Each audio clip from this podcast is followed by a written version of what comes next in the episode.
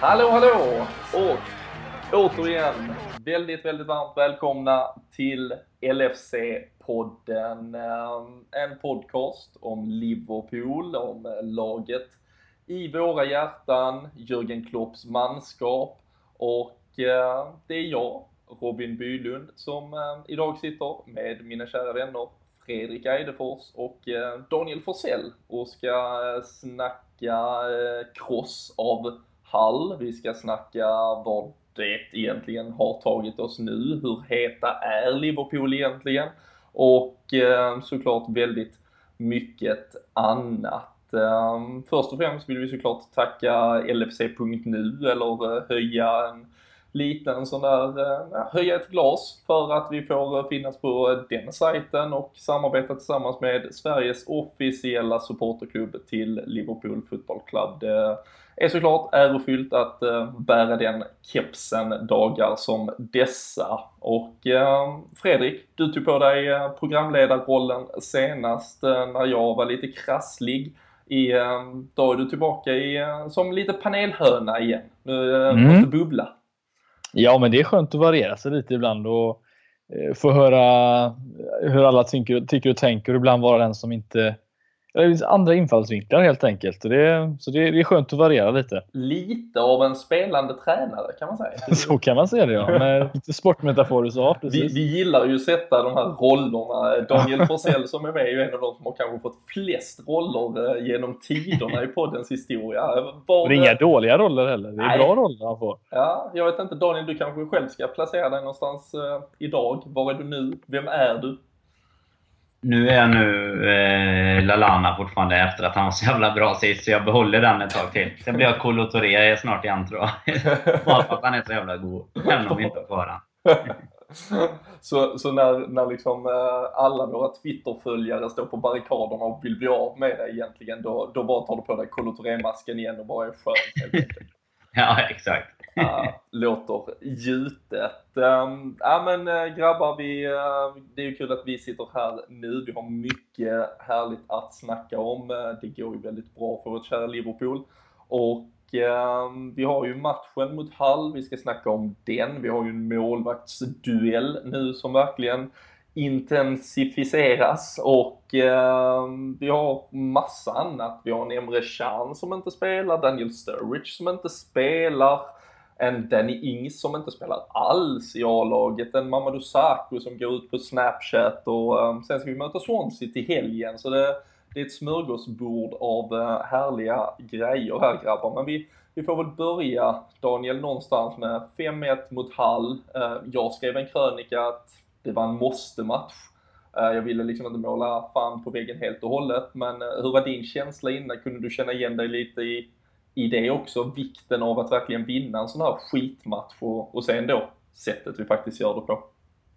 Ja men absolut. Jag tror... Eh, jag, jag, rekommenderar till och med de som fortfarande inte har läst den att gå in och, och läsa den. För det är ju, jag tror att alla i stort sett kände så eh, efter det som hände mot Burnley och sen efter hur vi har spelat mot, mot topplagen helt enkelt. Alltså Chelsea, Tottenham, Arsenal och, och Leicester då som man med all respekt... Eh, de, de är ändå regerande ligamästare liksom. Vi har spelat riktigt bra och då, då känns det som att då kommer det en sån här en sån här given trepoängare så att säga eh, på Anfield hemma. Det ska inte vara några konstigheter men eh, precis som du beskrev det, det är liksom ett vägskäl och kanske nu i efterhand också den skönaste trean på säsongen egentligen. Det var liksom, det, det, var inget snack. Det var bara det var bara besked helt enkelt att vi, eh, nu har vi bestämt oss för att det ska inte hända igen liksom. Mm. Och eh, ja, det blev ju siffermässigt verkligen med besked. 5-1 skrevs det till till slut. Det kan ju vara lätt att glömma på något sätt i det att vi hade ju också gjort 1-0 faktiskt innan utvisningen, innan straffen. Fredrik, vad tyckte du var skillnaden ändå på något sätt i anfallsspelet eller idérikedomen mot just Burnley? Det var ju ett kontakt, eh, kompakt försvar även från Hull i detta skedet här när de kom till Anfield. Men vi låste ju faktiskt upp det ganska snabbt. Coutinho, Lalana. Vi fick det där viktiga 1-0 målet. Ja, alltså, jag vet att vi har suttit tidigare och sagt det med att, eh, att Mané var inte med, han var bra i Arsenal-matchen. Nu ska inte jag säga att han var den bidragande faktorn till att vi vann den här matchen liksom helt och hållet, utan det var mer att vi hade de fyra där framme som ja, rörde sig mer eller mindre överallt. Jag tror precis som eh, också en grej som vi kanske kommer till sen, att Klopp som nu varit med Sky Sport här i, under kvällen och pratat just att vi fick en eh, en, alltså en, vi kom inte riktigt igång efter 1-0 målet mot Burnley. Men det var ju skillnaden mot Hall att vi, vi var ju de som tog i det direkt och fick inget emot oss direkt. Utan då var det lättare att spela framåt. Så att eh, skillnaden är nog att vi, hade, vi kunde liksom studsa tillbaka på ett annat sätt nu för att vi hade vind i seglen redan från början mot Hall. Och det, det är nog den största skillnaden tror jag. Mm. Det var ju lite det vi pratade om sist mot Chelsea där, alltså hur viktigt det var att vi med medflyttet fick det första målet istället för att precis som du är inne på det första, är att man får en kalldusch efter 2-3 minuter istället och aldrig riktigt lyckas hämta sig. Utan här blir det egentligen medgång genom hela matchen istället. Mm. En ganska intressant eh, sak. Eh, nu får vi se, vi, vi sitter ju här, det är måndag kväll när vi spelar in. Vi har precis faktiskt allihopa suttit och sett just Jörgen Klopps ganska långa närvarande här i Sky Sports-studion och um, där han tillsammans med Jamie Carragher går igenom flera taktiska detaljer. Vi ska försöka återkomma till mycket av dem. Men något jag tyckte var väldigt intressant också, det var ju det här att han pratade om mot Burnley, så blev det det här, ja, egentligen lite pojklagsmässiga, att mot ett djupt försvar, försvar så ska du skjuta. Medan Jörgen Klopp pratar ju om, nej, passa en extra gång istället. När de vill att ni ska skjuta, slå då en pass till. Och det var väl egentligen det vi egentligen såg stor skillnad på om vi tittar på 1-0 målet. Coutinho gör en fantastisk löpning, hittar en yta som han skapar åt sig själv och i en pressad, hade det stått 0-0 i 90 minuten, då hade han ju skjutit där. Sen gör han ju det lite senare och gör det väldigt bra. Men han vågar istället hitta en passning till. Och eh, det kändes ju som att vi hela tiden, och faktiskt egentligen sen Burnley-matchen, har gjort väldigt tydligt att vi, vi passar tills vi har det absolut bästa läget. Och vi vågar och vi tror så mycket på oss själva att vi kommer ha så mycket boll så att vi kommer kunna passa oss till så mycket chanser. Och eh, det kändes som att vi hade ett enormt självförtroende. Vi får utdelning ganska snabbt, men det kändes som att vi ändå, vi visste att nu kommer vi vinna. På något sätt. Och det, ja, det, det, det är ju den där känslan man vill ha som Liverpool-supporter. Den här, ja, som i vår årgång talas om liksom United-faktor nästan som de hade under Sir Man vet att de vinner liksom. Och, och, på något sätt kändes det som när Liverpool tog tag i taktpinnen i lördag så kändes det som att, ja men det här vinner vi jag vet inte. Jag, just jag, alternativmässigt också var det ju en, en plusgrej alltså, som alltid de hade. Det var just att vi på 1-0 målet där så har han ju Lalana att passa men kollar man även på bortre stolpen så har han en Mané som är helt ensam också. Och det är inte bara ett alternativ utan vi har två alternativ som båda är livsfarliga. Och det var en grej som vi inte såg mot Burnley, att det vill säga att det fanns mer än ett alternativ. Och då är det väldigt lätt att spela fotboll om man är bra på det dessutom, om det finns många alternativ att att se över eh, längre fram i banan. Så det var ett stort plus även i denna matchen. Mm. Och det var ju också en sak Klopp pratar nu, kanske lite mer specifikt, och vi ska prata lite ytterbacksposition, men det här med att du behöver inte ha en position, bara du ser till att alltid vara ett alternativ. Var alltid ett alternativ för någon så är du typ förlåten var du än i banan befinner dig. Och, eh, nej, det är ju, just nu är det en fröjd att se Liverpool spela fotboll. Eh, sen fick vi ju en straff med oss Um, Daniel, solklar? Eller? Ja, det tycker jag egentligen. Eller vi, det var ju två olika egentligen, alltså Hansen och den sista, men du tänker på... Ja, den första där som på första, ja. renderar ett rött kort. Ja, nej men alltså solklar, absolut. Och enligt regelboken också solklart att han ska åka. Däremot kan jag väl tycka, det är ju det här eviga dubbelbestraffning. Om det nu egentligen både ska vara straff och rött kort. Men enligt regelboken säger jag inte att det finns något alternativ i det läget. Men jag tycker ändå det är ganska snyggt att se det. Nu minns inte jag alls vilken vinkel domaren stod i, men det är ju inte sådär att han slänger sig vid krysset och räddar. Liksom, utan det är ju en liten, en liten arm som bara sticker ut lite. Så jag tycker ändå det är, skickligt att uppfatta att det verkligen är en hans också. Mm, ja, Våga ta den om man säger så. Ja, han står ju faktiskt väl och han är ju i den här cirkeln utanför straffområdet egentligen och har ganska rak sikt på den. Ehm, ja. Jag får väl däremot ta på, jag, eh, jag, jag dömer ju själv eh, fotboll och det är ju lite nya tolkningar kring den där målchansutvisningen. Men, men då är det väl i detta fallet är det väl att det är Hansen som Ja, det är det det ska ju inte vara, det ska inte vara en dubbelbestraffning på en normal målchansutvisning numera, så att säga. Det Det är väl rätt nytt nu, va? Ja, efter EM Ja, där så skulle det ju, men eh, det lär väl Men detta är väl den medvetna Hansen antar jag. Alltså det måste det ju vara, för det, det är väl den har väl alltid varit med om man säger så. Att eh, du, du får inte rädda, helt enkelt, om man ska säga då. Ja. Men eh, nej, och när den tar väl på här och eh, Mohammedi tar ju och bara kliver ner i tunneln egentligen också så det var ju inte något att snacka om. Och så fick James Milner kliva fram, Fredrik, eh, Mm. vår vänsterback som numera delat tillsammans med den där offensiva trion i Lalana, Coutinho och eh, Mané har tre mål från sin vänsterbacksposition, alla på straff men eh, säker likt en eh, Steven Gerrard i stort sett. Ja, jag tänkte, tänkte faktiskt på det. Just den här 13-14 säsongen så gjorde väl Gerard, eh, han gjorde väl kanske Elva. 8-10, ja, 11 mål till och med. Varav, ja precis. Han kanske blir en sån eh, säsong för Miller. Där han eh, står för våra fasta situationer, det vill säga straffarna i detta fallet då. Eh, och det har jag absolut ingenting emot. Han verkar vara ganska säker än så länge på sina straffar och det får vi tacka och ta emot. Mm. Han eh, hade ju kunnat bli historisk, eh, noterar jag i efterhand om han hade gjort ett mål till som den första ytterback någonsin i Liverpools historia att göra tre mål i så fall i en match. Kan kanske få anledning att fira en sån triumf under säsongen. Men han är ju, nej som sagt, han är säkerheten själv från 11 meter, kopierade sin straff lite senare i matchen ju och eh, tryckte dit den, borrade ner den i hörnet precis som han ville där också. Så um, utväxling på, på allting just nu. Det går ju väldigt bra för allt och alla känns det som. Uh, Adam Lallana gjorde mål, vi har nämnt 1-0 målet. Uh, Philippe Coutinho smaskar ju dit den ordentligt. Uh, Sadio Mané, det, det går bra för de där offensiva spelarna. Och Daniel Sturridge fick ju inte starta. Vi har väl också tidigare, tycker jag, väl samlat ihop till att det är det vi faktiskt tror att så kommer att bli fallet.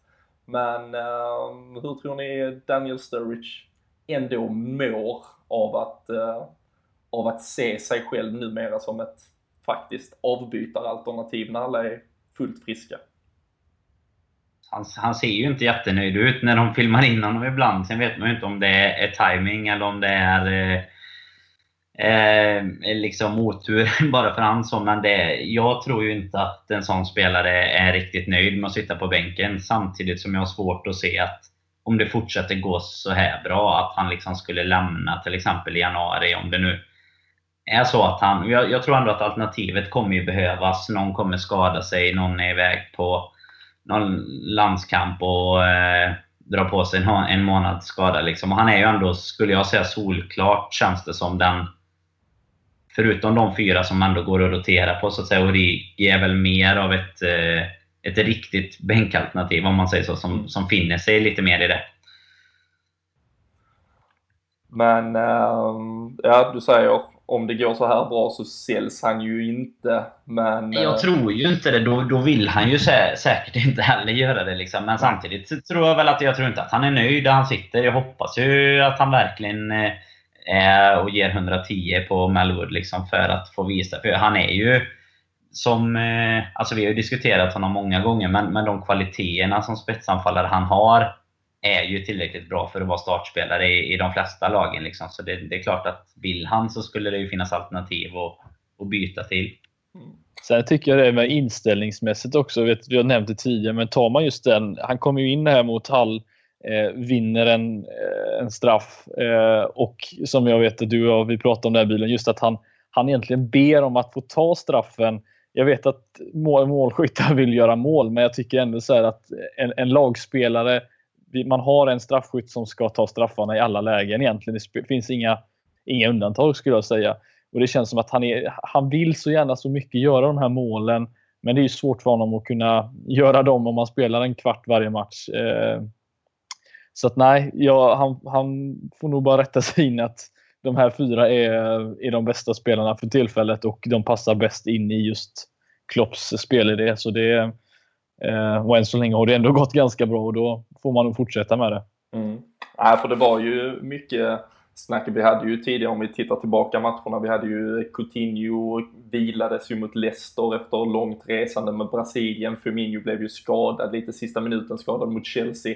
Klopp fick ju liksom ganska naturligt kunna ta några enkla beslut men nu plötsligt var ju, om vi ändå ska kalla dem fem då anfallsalternativen som är de som uppenbarligen slåss om fyra platser tillgängliga. Och då var det ju Daniel Sturridge eh, som, eh, som fick stå till sida. Och det var ju även så i premiären mot Arsenal när alla var friska, så vi har ju sett det mot olika typer av motstånd, vilket väl egentligen bekräftar vilka fyra det är han ser som sitt, sitt första alternativ. Eh, kort om vi stannar vid det som du nämnde där Fredrik. Jag, jag är ju en sån här, jag är väldigt glad att vi trots 4-1 liksom ändå följer den där ordningen första straffskytten, han får ta sin straff, han gör mål igen, vi gör 5-1, det ska vara som det ska vara så att säga.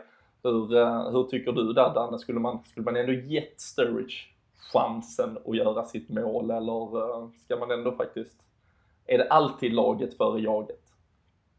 Ja, men någonstans tycker jag ändå att det är det. För att det, är, det finns liksom en, en pecking order liksom. Och jag tycker inte det finns någon anledning att gå ifrån den. För att vi pratade mycket förra gången också om hur hur vi vill att laget ska fortsätta trumma på och hur man vill att alla någonstans ska, ska visa vad de går för för att eh, förbättra sin egen konkurrenssituation om man säger så. Då tar man ju istället bort det från till exempel Milner nu som har gjort två straffmål på, på två försök. Liksom. Alltså det, det är hans grej och det går jävligt bra och då tycker jag inte att man ska behöva han ska inte behöva stå vid sidan där. Och sen minns jag ju att Sturridge någon gång, jag tror det var i derby mot Everton, vad skulle gå dit och sätta ja, skulle få göra en hattrick där och Gerard gav bort den och det gick åt helsike. Så han, eh, därför brukar han den, den chansen.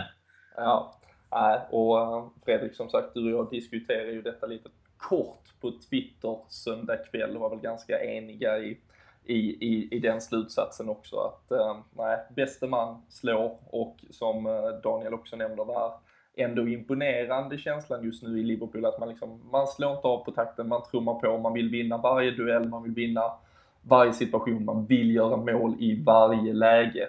Och, ehm, och vi, vi gör ju faktiskt nu också rekordmånga mål. Vi har aldrig gjort så här mycket mål på de senaste hundra åren. Det var väl tillbaka till 1895-96, en av klubbens historiskt första säsonger i stort sett man skulle till för att hitta åtta inledande tävlingsmatcher med så många gjorda mål. Och vi är ju faktiskt sen Jörgen Klopp tog över Liverpool, det lag som gör flest mål i Premier League, vi är det lag som skapar flest chanser och vi är det lag som har mest possession. Så anfallsmässigt så, så finns det väl inte väldigt mycket att klaga på just nu Fredrik, hos uh, Jürgen Klopps Liverpool.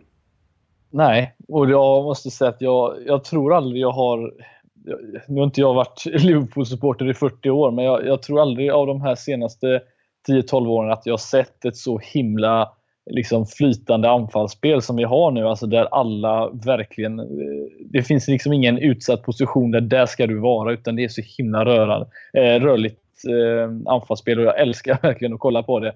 Eh, och framförallt då när även mitt, mitt, eh, mittfältarna tar sig upp och är en del av de anfallarna. Och då, då är det roligt att kolla på Liverpool.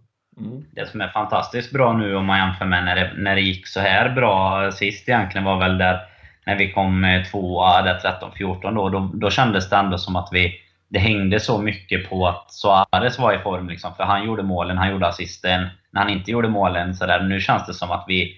Det gör inte än så mycket om någon missar en match som Coutinho när han missar Leicester det till exempel. Då slänger vi in Sturridge och det går bra. Och nu var Sturridge på bänken och det går bra. Alltså det, det är inte så att det känns som att det är en spelare som är riktigt lika viktig som det var som det var då i alla fall.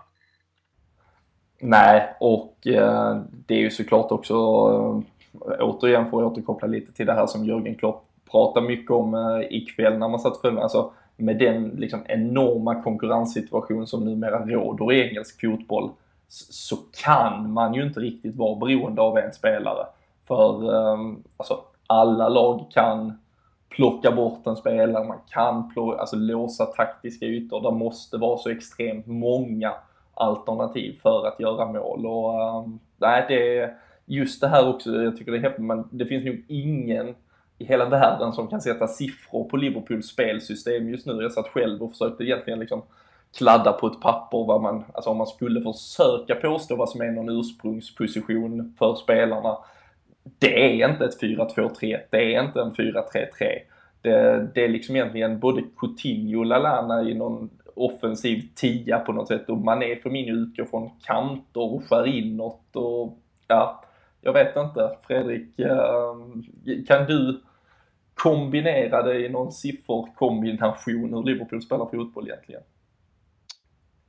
Nej, det, det, är mer eller mindre omöjligt. Det enda jag kan säga det är just det som jag har eh, liksom efterfrågat lite när det har varit lite trögt. Det så, som jag gillar väldigt mycket nu. Det är att Coutinho droppar ner eh, rätt, rätt ofta. Framförallt om man tar då Lest, eh, inte Leicester-matchen, eh, halvmatchen här nu. Eh, som Vinaldum och Lalana går upp och han droppar ner och får stå för en hel del passningar. Och jag tycker det är så skönt att se att det blir just det där flytet och då går det inte heller att sätta liksom, siffror på det i och med att alla rör sig banne med överallt. Eh, så att, nej, det, det är omöjligt att säga faktiskt. Mm. Och eh, man, man, brukar prata om den tolfte spelaren i form av supportrar. Eh, Jörgen Klopp pratar ju ikväll eh, om den tolfte spelaren i form av eh, pressspelet. Man behöver inte alltid en eh, playmaker som levererar de sista bollarna om, eh, om bara alla går stenhårt in i en situation och, och ser till att man vinner den från motståndarna istället. Eh, han har ju fått mycket beröm från sin gegenpressen, Daniel, men uh, det känns ju som att det vi ser just nu, som Liverpool-supporter är det ju något helt nytt man upplever egentligen.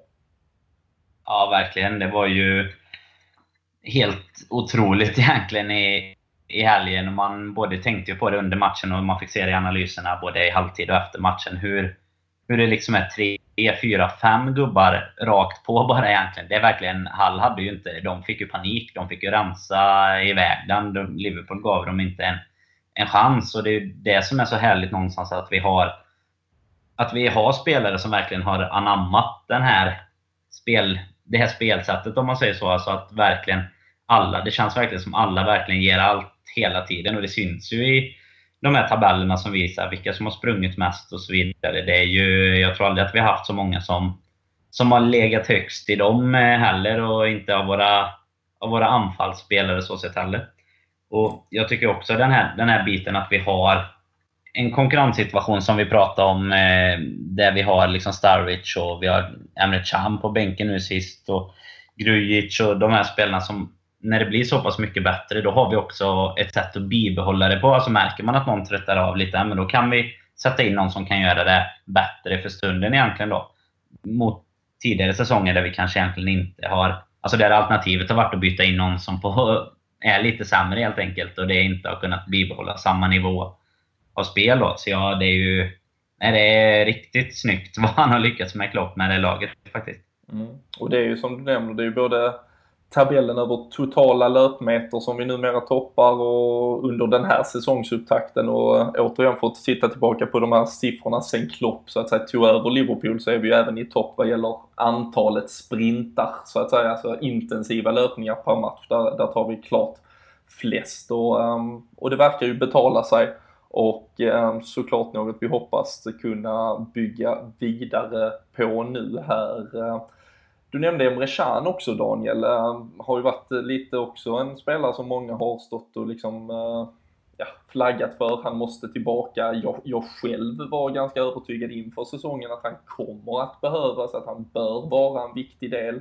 Um, Jordan Henderson samtidigt har ju verkligen satt eh, ner foten för att bevisa motsatsen. Eh, vad, vad, tror vi om den situationen där Fredrik? Eh, egentligen ganska surrealistiskt nu att liksom Emre Can, Daniel Sturridge, för många kanske egentligen liksom två av Liverpools storstjärnor om vi får vara så fina i superlativen men, eh, men numera liksom faktiskt helt förpassade till bänkarna i Liverpool.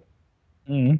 Jo, det, men det, jag tror det, det är en, en så himla speciell situation sett till att eh, just det här med, vi har ju sagt att det ska vara stora namn, vi har alltid frågat efter det och det blir lätt att man, när motst- eh, våra konkurrenter gör, köper dyra spel att man vill göra samma sak. Men Klopp vill ju verkligen bara ha spelare som gör det jobbet han frågar efter.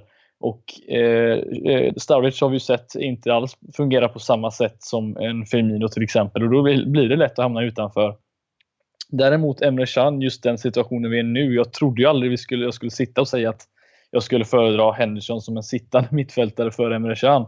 Men när man ser matcherna som har varit och man ser en, visst nu var han lite ringrostig mot Hall när han kom in där, men drar på sig en hel del onödiga frisparkar eh, i både små farliga frisparkslägen och så vidare. Inget som Henderson riktigt har gjort den här säsongen då han har fått spela på den positionen.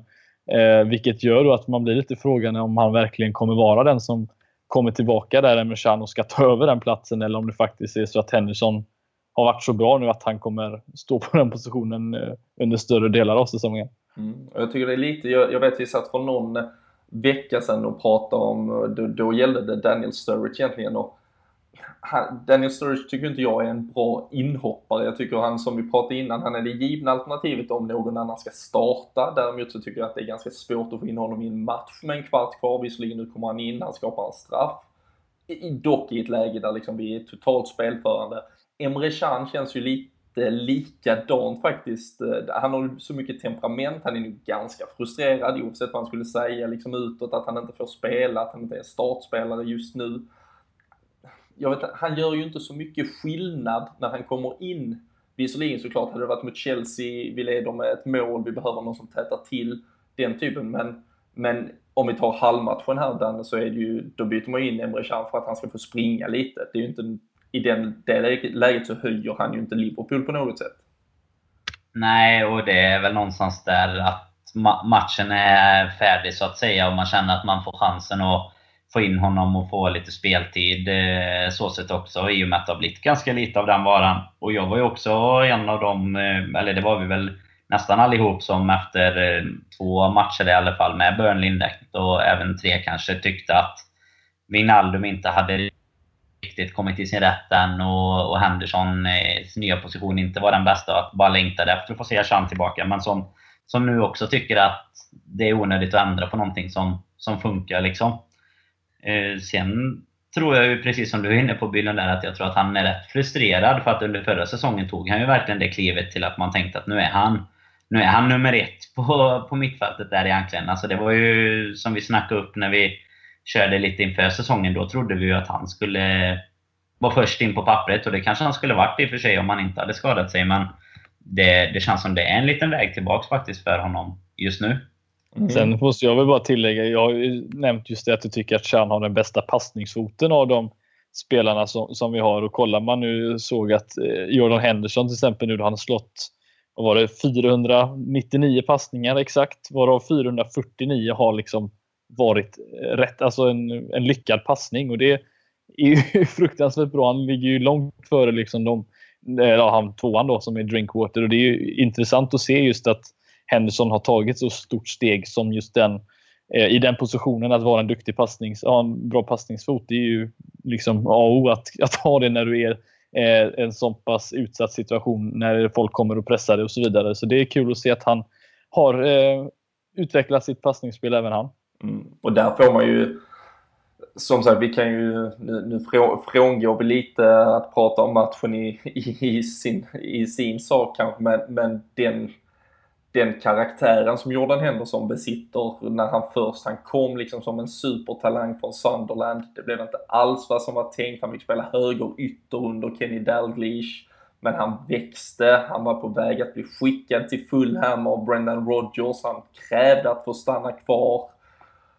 Och nu står han där ändå liksom, han har alltså, kanske för femte, sjätte gången har han överbevisat gemene man och nu är han alltså Liverpool-kapten spelar som navet i ett lag som plötsligt ses som liksom största utmanare till att vinna en Premier League-titel från ingenstans. Om än att vi nu såklart svävar lite iväg, men äh, ska vi äh, passa på kanske att lyfta på den berömda hatten för Jordan Henderson och äh, verkligen ändå ge honom fullt med cred för vad han har presterat så här långt? Hittills ja, det måste vi säga, men det är 32 matcher kvar att spela och det eh, behövs en, en jämn prestation över, över alla matcher. Så att eh, än så länge så får vi vara jättenöjda med honom. Men jag hoppas att han kan bibehålla den eh, formen eller spela på det enkla sättet som han gör i alla fall. Eh, för då mm, kommer jag stor nytta av honom på den positionen i alla fall. Då, eh, då köper Fredrik Eidefors en eh, Jordan Henderson-tröja i mm. maj den 21 mot Middlesbrough, sista omgången. Men, ja, men det är härligt. Ehm, vi har väl kanske ändå berört det, mesta av det bästa från den där 5-1-segern nu. Ehm, något som var såklart väldigt roligt att se, även om det då inte blev att filmkameran riktades i den riktningen särskilt mycket. Loris Karius fick ju sin Premier League-debut. Simon Mignolet sattes på bänken. Ehm, en kort instickare där är ju liksom ändå attitydsbiten hos Simon Mignolet direkt efter att det sipprade ut där kvällen innan att han skulle vara bänkad så var han ändå först ut med att liksom eh, mana på alla fans på Twitter liksom eh, match imorgon, fan vad vi är taggade. Tycker jag är jäkligt härligt att se. Men uh, Loris Karius sattes väl inte riktigt på några prov Även om han då väldigt snöpligt fick släppa in ett mål där som uh, var en icke-situation fram tills att han plötsligt låg i nätet. Men uh, fick ni någon bild av uh, Loris Karius som målvakt kontra Simon Mignolet? Nej, inte i denna matchen. Nej, det var svårt att dra för mycket växlar här tror jag va? Så uh, ja. ni hade skrivit under på Jörgen Klopps val nu då att uh, han har ju redan gått ut och sagt att han kommer att få chansen även mot Swansea. Om, eh, om det är på något sätt att säga, även om han lindade in det väldigt snyggt då i att han vill se honom utmanas lite mer. Så um, tror ni att vi redan nu ändå kan konstatera att det är ett uh, byte här som har gjorts eller uh, tror ni det ligger någon sanning i det här att Klopp ändå vill se Karius nu sättas på lite prov i 3-4 matcher innan man kanske eller visserligen vi har bara Swansea, sen är det United som väntar. Där måste man ju trots allt ta beslutet vem som är ja, bäst på något sätt. Mm, ja, där ska vi ha en första målvakt inför United. Det måste vi annars. Det känns så ovisst att gå in i en sån stor match och inte riktigt ha det på pappret redan. Så där hoppas jag verkligen att vi har och jag tror att Karius kommer vara den som kommer stå framöver också. Det, det är jag nästan helt säker på. Men finns det då något i till exempel, vi ska ju snart uh, snacka upp Swansea lite mer, men finns det något i liksom en insats mot Swansea, låt säga att vi skulle förlora med, eller åtminstone släppa in två, tre mål, Karius då får ett halvdant intryck. Eh, är det då plötsligt Mignolet eller liksom Kommer vi ha en duell hela tiden eller tror ni det kommer ändå bli en uttalad etta som kommer få ett liksom rejält förtroende ganska snart?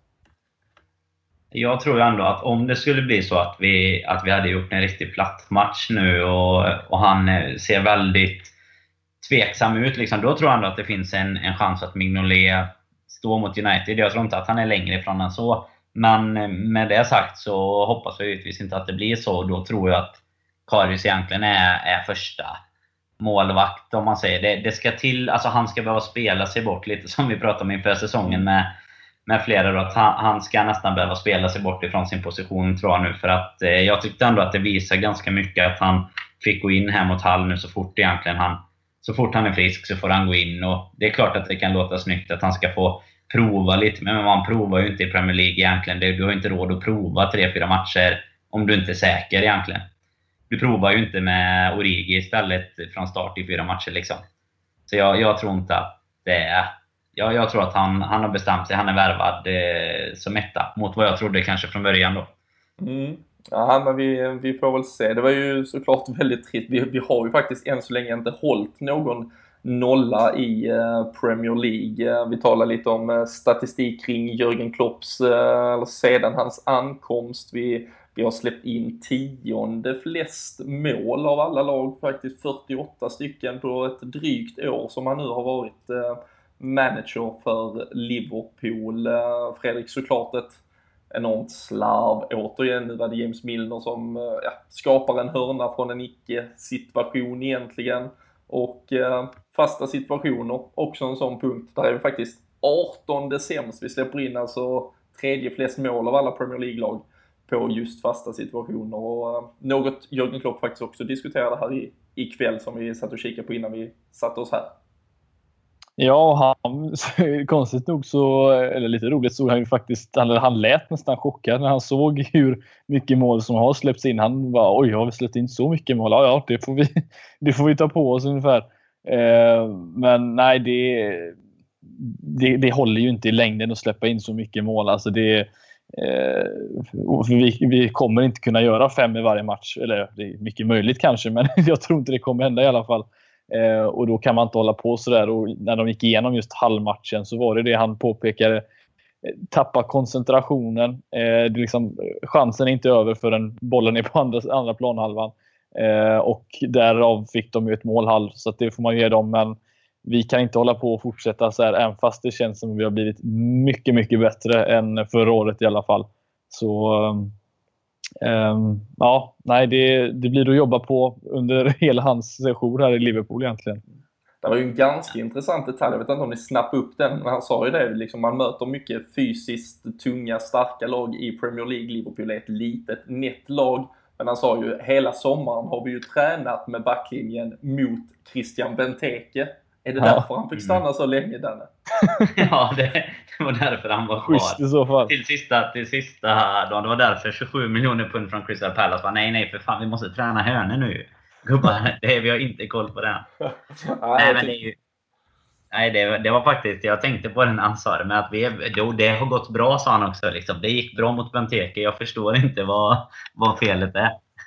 men, ähm, men det var roligt ändå att se också tanken. Han hade ju alltså, där finns ju trots allt eh, en tanke bakom vad man försöker göra och det är ju ändå ett, han tar ju ett beslut att vi kommer ju spela med mycket små, kvicka spelare, vi prioriterar vårt anfallsspel. Koncentration är däremot liksom extremt viktigt och, och nu såklart, det var ju så många egentligen faktorer i just detta fallet, men vi ser ju ändå det återkommande. Och um, här visar han ju också på liksom, det är ju egentligen mycket upp till våra två mittbackar, Matip och Klavan. Det är de som ska vinna nickduellen. Det är de som ska få bort bollen. Spelare i övrigt, nu var det, han tittade på Wijnaldum, Lalana, Klein. De ska ju liksom screena motståndare, försöka stoppa upp löpningar, men direkt löpningen liksom kommer igenom eller det finns risk för duell då, då, måste de i stort sett vinna bollen. Och det är ju såklart liksom en gambling man tar när du inte spelar något fyrtorn även på inom mittfältet utan där du prioriterar bort dem de aspekterna. Men eh, nej, det var lite roligt också att han sa liksom att eh, han hängde ut lite Ragnar Klavan för att bara titta boll och inte alls fatta vad som hände bakom sig. Men, eh, men nej, där finns verkligen eh, lite att förbättra åtminstone. För eh, det, eh, en, en hållen nolla hade ju varit ganska trevligt. Speciellt att ha med sig mm. inför Manchester United. Så, så Swansea eh, kanske kan vara på tiden nu här på lördag helt enkelt. Är det eh, um, något annat från uh, halvmatchen? Det var en härlig uh, 5-1 som sagt på uh, klassiskt speedway-språk. Men uh, någon annan detalj, någon spelare som stack ut, något ni var extra nöjda över? Eller um, har vi något sånär packat ihop uh, den härliga tillställningen? Det var väl Wijnaldums tunnel på domaren då. Eh, hoppas ni inte missade den. Han eh, gjorde en fin nattmägg på honom och så fortsätter spelet vidare. Det, den, eh, den ser man inte allt för ofta. Men eh, en ack så viktig detalj. Precis. eh, nej, men det, jag, en sak som jag tycker det är just det, det, är det här med inställningen att eh, direkt från att ha släppt in ett 3-1 mål till att faktiskt gå och göra liksom 12 passningar senare. Det måste jag säga att det, det känns som att det var verkligen så att vi gick ner på tempo. Eh, vi fick en, de fick en chans och gjorde mål. Men vi, vi kan inte fortsätta så här. Så kör vi ett 4-1 mål och sen är allting lugnt igen. Så det måste jag säga att inställningen var 100% och det, det gillar jag att se.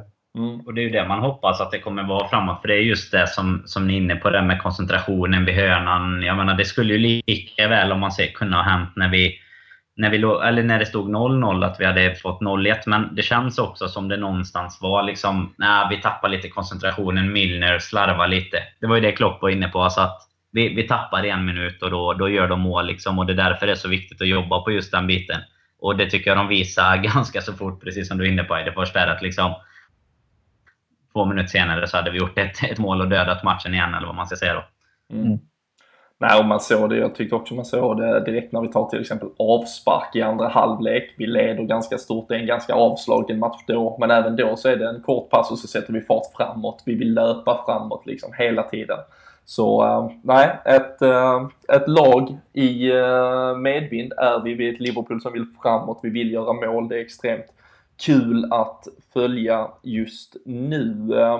Vi, eh, jag tänkte att vi har några punkter egentligen lite vid, vid sidan av eh, A-lagsfotbollen åtminstone i Liverpool som jag tänkte vi skulle dyka ner innan vi tittar fram mot Swansea-matchen. Men eh, om eh, Simon Mignolet som sagt kan få lite beröm för sitt agerande på sociala medier där direkt efter han blev petad och liksom ändå manade till att det är lagets insats som gäller så um, stal vår gode fransos uh, Mamadou Sakho andra rubriker. Uh, sent under fredagskvällen, uh, natten, så tog han till uh, Snapchat. Det mycket ja, vuxna mediala sättet att hantera sina aggressioner och frustrationer för att ja, egentligen han postade ut massa bilder på text. Han skrev att eh, snart ska alla få veta sanningen. Eh, det är för jävligt att jag inte ens får spela i B-laget. Eh, I stort sett att det fanns någon, ja, liksom eh, att alla på något sätt helt outgrundligt var mot honom. Um, vad gör vi av denna soppan Fredrik? Ehm, du, du högg ju den bollen tidigt lördag morgon, eh, skrev nyhet på ämnet. Ehm, ja, vad va, va händer? Jag är så trött på det. Jag, jag bara tänker, liksom, hur, hur var det innan de sociala medierna? Hur, hur visar man missnöje? Jo, det gjorde man genom att gå ut och göra sitt bästa på träningsplanen. Nej, alltså, det jag, jag, jag, tycker det är så fruktansvärt onödigt. Framförallt när man har den dubbelmoralen som man dessutom att jag tänker inte ta, eh, prata eh, eller eh, liksom snacka utan jag kommer sköta allting på planen. Och det gör han ju raka motsatsen när han går ut och lägger ut de här texterna. Det blir så himla fel. Och samtidigt då som jag eh, även nämnde eh, tidigare när jag pratat om det, det är att Klopp är ju en sån tränare som det ser ut att han vill att det ska vara ett bra, en bra mod liksom i allting som ska göras. Och framförallt på matchdag då så kommer en sån här grej ut som kan kanske inte påverka dem jättemycket alla spelare men ändå så att det är något negativt som sker på samma dag som det är en match, en viktig match. Och jag tycker det är så onödigt. Eh, så nej, jag, jag tror att det är det sista vi har fått se av honom om det inte redan var så innan. Men vilka, vad, vad tror vi här, alltså det, det, känns ju inte lönt att liksom spekulera så mycket, men, men just som du också, som du nämner, han skriver alltså när han liksom väljer att mitt i natten i stort sett kommunicera via liksom en social plattform, där han liksom skriver då att jag kommer liksom låta spelet tala för sig, vilket är som du nämner absolut det han inte gör, utan är, han är liksom igång och gnäller. Alltså, är han dum, Daniel, eller alltså, tänker han inte till eller vill han bort? Alltså gör han liksom allt nu för att pressa till någon situation som, som gör att han alltså, kommer få gå vart han vill i januari i stort sett, eller? Eh, Ja, men det bara... finns ju. Nej, det finns ju några alternativ. Det är ju som du säger, alltså, är, han bara, är han bara dum? är ju ett alternativ. Eller så är det ju lite den här blandningen av att vill han pressa sig bort och eller har han, har han fått reda på någonting? Liksom, har han fått reda på att du, du kommer inte spela någonting? Känner han liksom att nej, jag, jag behöver inte bry mig längre utan nu, nu kan jag lägga upp det här utan att jag är liksom redan borttagen om man säger så. Eh, och det sista alternativet är ju bara, jag menar vi alla har ju varit ute i en natt i Liverpool liksom. Vi vet ju vad, vad det kan göra med en. så jag menar, det, det är ju det. Han kanske står på någon nattklubb där vid tre på natten. Och det är som du är inne på, det första Klopp sa ju det i någon intervju med att det, det, här är liksom inte vad jag vill vakna upp till på en matchdag. Och jag kommer, jag, det är inte rätt tid att kommentera det nu, men vi tar det sen ungefär, nämnde han ju. Ja men det är ju helt, det är helt horribelt. Det får inte hända det, alltså, det, han måste ju ha plockat bort sig själv nu för all framtid. Jag kan inte tänka mig annat. Ska vi uh, konstatera, det var ju länge sedan eh, podden breakade någonting här i det första, var på den gamla goda tiden. Men, Victor uh, Valdes-tiden menar du? Ska vi konstatera att Mamadou Sakho uh, högst troligt har spelat sin sista match i, i Liverpool-tröjan? Ja, jag, jag tror det. Vad tror, vilken nivå tror ni det skulle gå? Om vi, om vi ändå förutsätter att han är fysiskt liksom fullständigt funktionell. Vilka, alltså, vilka spelare ska vara skadade för att ska vara, alltså, Tror ni att en Thiago Ilori skulle gå in för just nu? Liksom skulle man gå ner i reservlag? Eller liksom, tror ni ändå hur frostig relationen är. Tror ni det skulle kunna finnas någon brytpunkt till där man liksom ändå spelar honom för spelarens skull som han ändå är? Eller har han liksom helt förstört den gnutta chans som fanns? Så då ska ju egentligen Lovren, Matip, Klavan och Lukas, eh, skulle jag säga, då, då finns det en möjlighet. Jag tror Lukas går liksom före honom i detta fallet. Det gör han sannolikt. Eh, och eh, ska någon, är alla de fyra borta, så ja, då finns det nog en möjlighet. Jag, jag, jag skulle säga så här, jag tycker han är jättedum. Eh, han är fortfarande Liverpool-spelare och det måste man respektera. Eh, skulle det vara så att han skulle komma tillbaka ännu starkare liksom, och verkligen bättra sig, för alla har gjort fel någon gång i livet, ehm, Eh, och då, då hade jag fortfarande kunnat acceptera det, men jag vet inte tusan hur långt ner man kan gå innan man till exempel en match mot United skulle ta in en reservlagsspelare före Sacco.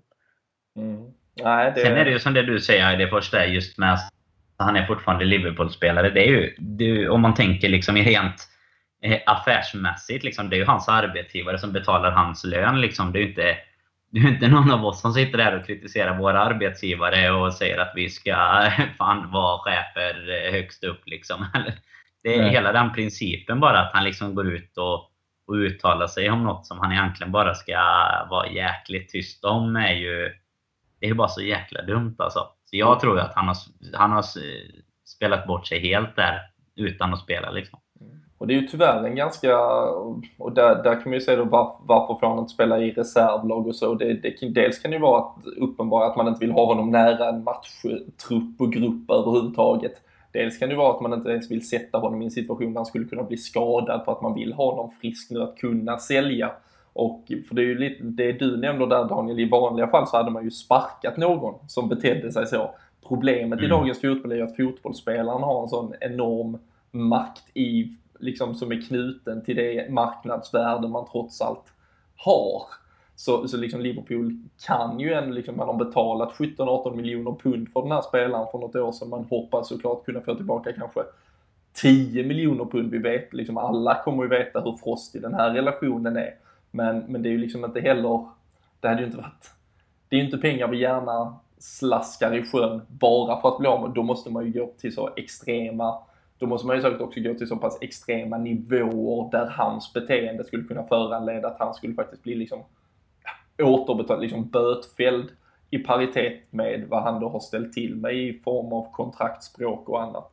Men eh, nej, längst ner i kylboxen kan vi nog konstatera att han befinner sig och han verkar inte sitta på rätt nycklar för att ta sig ur just nu åtminstone. Så eh, vi lär väl få återkomma men parkerar nog ändå Mamadou Sakho någon annanstans tills vidare.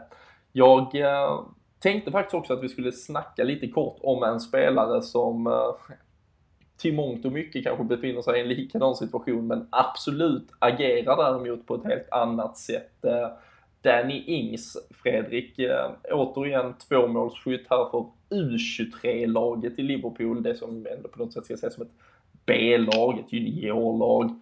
Um, var en gång liksom en het nykomling i Premier League med Burnley, öste in mål, liksom snackades som en engelsk landslagsman. Nu är han inte ens i matchtruppen i Liverpool, han spelar alltså i vårt B-lag kontinuerligt. Hur hållbar är den situationen? Om än att det såklart liksom, eh, ja, det är ju fantastiskt att se att han ger järnet, om man säger så. Men uh, det kan ju knappast vara den nivån en fotbollsspelare i sina bästa år vill befinna sig på. Nej, jag, jag tror inte jag varit med om någon situation tidigare där, för att jag, det är inte så att han är liksom halvskadad och spelar utan han, han är ju verkligen fit, gör bra ifrån sig men får inte bara vara med. Och då är det väl det att vi har en Starwix, vi har en Ings, eller en Origi menar jag, som går före honom i orden och kan inte ha tre stycken renodlade anfallare på bänken.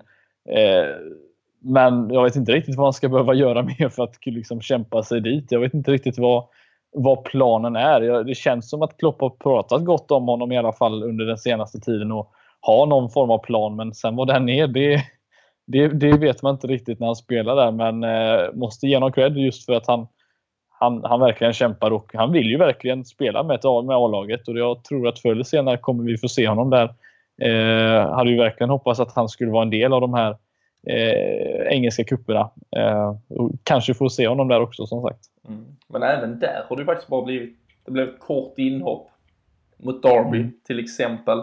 Så uh, han, uh, ja, det, det är ju, man har nästan aldrig sett den liksom, visst nu, nu kom han ju gratis så att säga, men alltså det var ju ändå en, ändå på något sätt en alltså, ganska tung värvning. Vi slog med Tottenham, det var flera intressenter.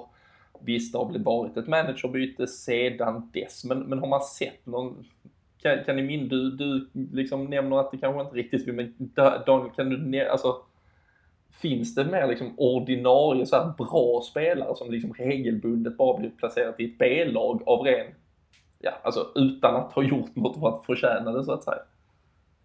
Nej, inte som jag kan komma på. Det känns ju som att han, om någon, inte förtjänar det om man ser till spel, alltså till personen, alltså som han verkar vara. Han verkar ju alltid vara en kille som ger allt och gör, gör verkligen jobbet för laget. Men eh, vi var ju inne på det tidigt och ifrågasatte, eller inte ifrågasatte ska jag inte säga, men vi, vi nämnde ju det, tror jag, redan i första podden för den här säsongen egentligen. Att vad, vad ska vi göra av alla anfallare? Då hade vi ju Benteke kvar som försvann. Liksom, men vi pratade ju om det. Liksom, med, vi hade ju sex anfallare eller någonting som vi kom fram till ändå eh, kan vara absolut aktuella. Och sen försvann några och så. Men jag vet inte heller vad ska, jag vet inte vad han ska göra riktigt. för och det, Jag vet inte om det spelar någon roll hur många mål han gör i U23. Liksom. Eh, ja, det kanske är att han får byta plats med Origi någon, någon match på bänken, men han är fortfarande inte någonstans nära ett A-lag känns det inte som. Det, ni nämnde ju det med, det kan vi nämna som hastigast bara med att det såg jäkligt bra Vi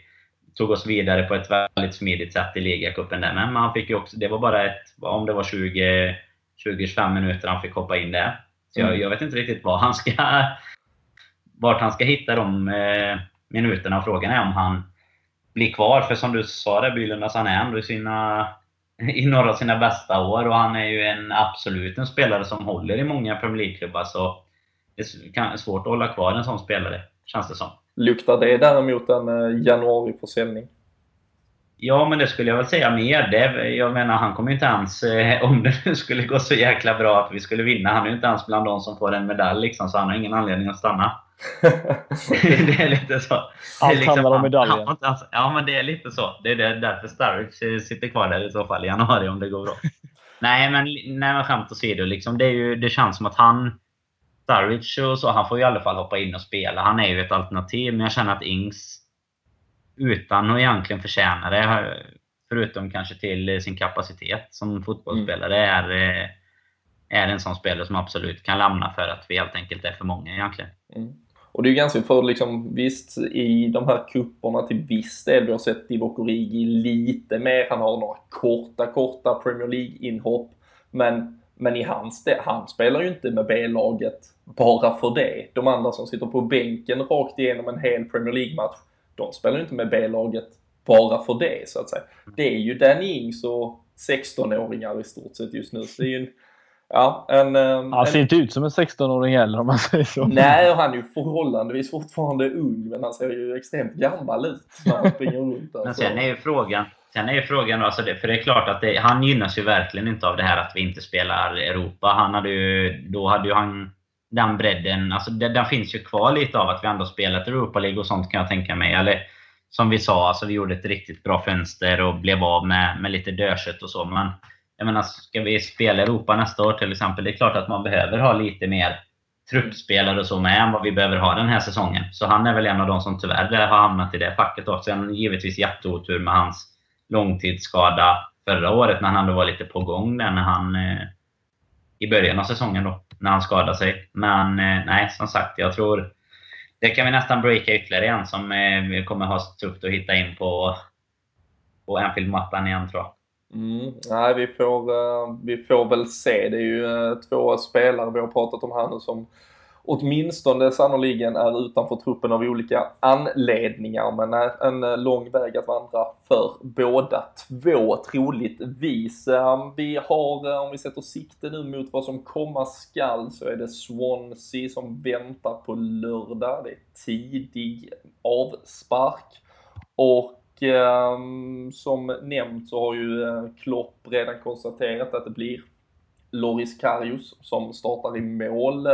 Nathaniel Klein och James Milner är väl bland de första namn som också kritas ner. Joel Matip, vi har inte nämnt honom idag men jag vill nämna honom igen. Fy fan vad han är bra! Mm. Och eh, sen blev det ju Ragnar Klavan på grund av ett sent återbud och återigen för Dejan Lovren. Han väntar ju på att få göra hemma eh, premiär i Premier League-sammanhang denna säsongen. Men eh, han tros ju vara tillbaka nu igen. Så, eh, men vi får väl se där. Men vi har ju konstaterat sedan tidigare att han är första alternativet och, eh, och annars känns väl numera en Liverpool-elva ganska given faktiskt. Så länge att alla spelare faktiskt är friska, Fredrik. Ja, det, det, och det känns skönt för som sagt så många poddar sen, jag kommer inte ihåg, men som jag pratat om det med en eh, stabilitet där bak. Det är, liksom, det är där man, man bygger eh, eller vinner titlar. Framförallt att du kan hålla dig jämn. Och, eh, jag, jag, tror att det är nyckeln framåt för oss, för vi har inte haft det de senaste åren. Så därför är det skönt att se att vi, att vi på något sätt ändå har det nu eh, och kan bara bli bättre. Och eh, Daniel eh, Swansea står för motståndet nu. Vi pratar om att Hall skulle kunna vara den där reprisen av Burnley. Finns det, finns det någon risk att den smällen kommer nu istället på Liberty Stadium? Ja, men det, den hade inte varit... Alltså jag är ju alltid lite sådär med hemma borta och så. Det hade ju varit värre att tappa, tappa poäng hemma mot Hall än borta mot Swansea. Men sen har väl inte de direkt rosat marknaden här i, eh, i säsongsinledningen. Och de har vunnit en match tror jag. Och det var första där mot Burnley borta i och för sig. Det var den enda vi inte lyckades ta poäng i. Men, eh, men sen har de förlorat mot Hall då bland annat. De kryssar ju mot Chelsea. Såg faktiskt inte matchen eh, helt, men eh, hade väl inte särskilt mycket där. Och nu förlorade de sist ju hemma mot City. Eh, och jag känner väl att kommer vi upp i nivå så ska det så ska det inte vara något, något problem i den matchen heller egentligen. Om vi kan spela lika bra som vi har gjort de senaste matcherna egentligen. De var ju chanslösa mot City, det måste jag säga. Och de, mot Chelsea, även fast de tog poäng, så var de ju, det var ju på grund av att Chelsea eh, liksom fumlade till det. Plus att det var lite otur med domaren där också. Så att de har inte riktigt... Eh, jag tycker alltid Swansea har, mot Liverpool har varit en liten sån här jobbigt. Det eh, känns som att de, det är ett spelskickligt lag när de väl spelar. Och det kan de ju spela sig ur en press som, som vi har. Men som du säger, kommer vi upp i i standard även på bortaplan så eh, då är det svårt att, att möta oss oavsett vilket lag vi än möter. Så att förhoppningsvis så är det en, en sån match igen då. Det känns, jag tycker det känns som att de har liksom gått lite stadigt neråt ända sedan de kom upp. Alltså de var ju jäkligt, det var mycket fart och fläkt och de var ju ett riktigt bra eh, spelande lag som du sa där till när de kom upp i Premier League.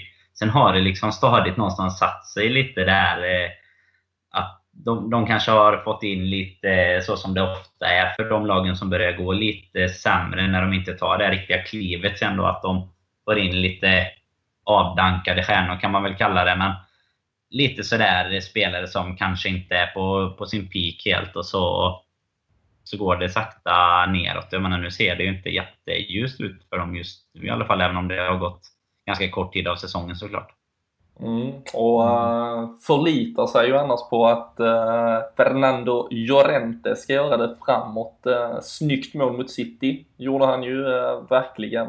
Men uh, är det något vi behöver vara rädda för, tror ni? Eller är det också, är, är tiden förbi då Liverpools backlinje började vara livrädd varje gång man ställdes mot en lite större target typ? Jag tror vi, det känns som vi har, eh, vi, vi försöker hålla oss bort ifrån det och det känns som att det, det jag tycker att alltid Liverpools eh, mitt, mittförsvar har varit lite för lite aggressiva när det kommer till att, inte på ett fult sätt, men att verkligen visa att de är i ryggen och det tycker jag att Matip framförallt är väldigt bra på och har varit, visat väldigt mycket den här säsongen. Till exempel mot Diego Costa, så att man behöver inte fälla någon för att vinna bollen felvänd utan eh, verkligen på ett professionellt sätt kan, kan vinna bollen. Och Det tror jag han även kan göra mot Llorente som är visserligen några centimeter större. Eh, men jag tror att vi eh, nej, jag tror vi kommer klara oss alldeles galant och inte behöva vara ett så stort hot som det har varit tidigare med Skertel-eran om vi säger så. Nej, och i, i svensk TV lär det ju annars vara Modo Barrow som alltid får uh, rubrikerna när det bankas uh, Swansea. Den före detta Östersundsspelaren. Men uh, nej, nej men det, det är ju lite så här, alltså det gäller ju hela den här, man, man, man har den där optimismen. Fredrik, du och jag framförallt har ju vi poddade ju även hela den där 13-14 säsongen som var så fantastisk och vi satt här och och tippade 4-0 varje match i stort sett. Men man börjar nästan bli lite rädd för man börjar liksom få den där känslan igen. Liksom man tänker numera Swansea borta, ah, 2-0 kanske sådär. Um, tror ni liksom, börjar det snart närma sig att vi faktiskt har fog för att, och tro att det kommer det vara så lätt? Är, är det en sån här typ av säsong Daniel, där vi där vi faktiskt kommer, man kommer alltid åka på någon plump här och där, men, men kommer det vara mer regel än undantag att vi faktiskt åker till en bortamatch mot ett lag på nedre halvan och, och faktiskt spelar dem av banan? Alltså det är ju svårt att, att argumentera mot det när vi har spelat som vi har gjort den här säsongen. För eh, tar man det som, som vi har pratat om också, jag menar med Burnley-matchen och så, alltså det var ju inte det att vi skämde ut oss på något sätt. Som du pratade om innan. Det var lite det här skjuta mycket, kanske lite för ofta, lite för tidigt. Men det var ändå 80% bollinnehav. Vi var ändå där för att spela vårt spel om man säger så. Och det, nu, det pratade ju Klopp lite om, det vi nämnde som vi kikade på innan vi började podda här också. Just den här optimismen som omger Liverpool och hur, hur härligt det är utan eh, att han gav sig in givetvis i någon titeldiskussion. Men det som vi nämnde innan tidigare här ikväll också, just att nu börjar liksom bettingbolagen redan se Liverpool som största utmanare till City egentligen. Och kan jag väl tycka med all rätt, även om man kan flyga högt eh, kan man tycka efter bara några omgångar. Men jag menar sett till spelmässigt så tycker jag inte det finns någon anledning att inte gå in på Swansea borta med en optimism. Och precis som du säger, givetvis kommer det ju ske någon klump här och där. Det är omöjligt i stort sett att gå en säsong utan det. Men eh, jag ser inte liksom varför, varför just denna matchen skulle vara den där vi klappar ihop om man säger så. Nej, vi, ehm, nej, man har eh, just nu en god feeling som eh, Liverpools supporter. Ehm, det var ju dock faktiskt ingen som hade en så pass god feeling så att de tippade i vår tipstävling som vi kör med Sam Dodds. Eh, att någon tippar 5-1 där mot Hall. Ehm, om än att jag själv ju faktiskt eh, slängde ut en tweet med ett tips om att eh, kanske fundera på 5-1. Eh, det skulle ju någon såklart ha ryggat. Men eh, Chi fick ni, Chi fick i sig jag också eftersom jag inte la något eh, tipp på det. Hade ju kunnat vara lite rikare här på måndagskvällen i så fall. Men ehm, det är Swansea borta som gäller nu istället Fredrik. Vi kommer ju såklart köra tipstävling återigen. Slänger ut någon snygg tisha från Sam Dodds. Eh, om man nu sitter i stugorna och tänker Fredrik Eidefors, han litar jag på. Vad ska man eh, tippa i så fall? Eh, 2-1 Liverpool ska man tippa då ännu inte en hållen nolla alltså. Nej. Nej, vi får se eh, var eh, man lägger sina pengar om man tycker att eh, Daniel Forsell verkar ha huvudet på skatt. Då är det på 3-1 till Liverpool då. Då är det 3 och ja. um, eftersom jag då själv utnämnd expert på området så uh, har jag redan nämnt 2-0 till Liverpool. Jag står fast vid det. Um, den där hållna nollan kommer nu. Borde ju ha kommit mot Leicester om vi inte slarvar bort det. Borde ha kommit mot Hall om vi inte slarvar bort det. Och, ah, jag tror ju inte, tittar man på Swansea som sagt, ah, där är inte många anfallsalternativ. Det skulle i stort sett betyda att vi ska slarva till det själv. Känner jag spontant, kanske man får äta upp. Men eh, nej, och det får vi inte göra igen. Eh, vi får gå in i ett landslagsuppehåll med en hållen nolla ha United i sikte därefter. Ehm, så, eh, men eh, ni väljer 2-1, 3-1, 2-0 hör ni härifrån poddens håll och så får ni själv välja vad ni tippar. Ehm, vi får se om vi dyker upp om en vecka. Det är som sagt landslagsuppehåll. Kanske beroende lite på om det händer något kul, om Amadou Sakho börjar snappa eller något annat. Annars är vi såklart tillbaka i alla fall eh, ett par dagar innan den där Manchester United-matchen också. Men eh, som vanligt så håller ni utkik. Vi finns ju på Soundcloud. Vi lägger upp allt på lfc.nu och på Twitter så finns vi ju på LFC-podden så följ oss där för senaste nytt. Men eh, vi tackar för idag grabbar.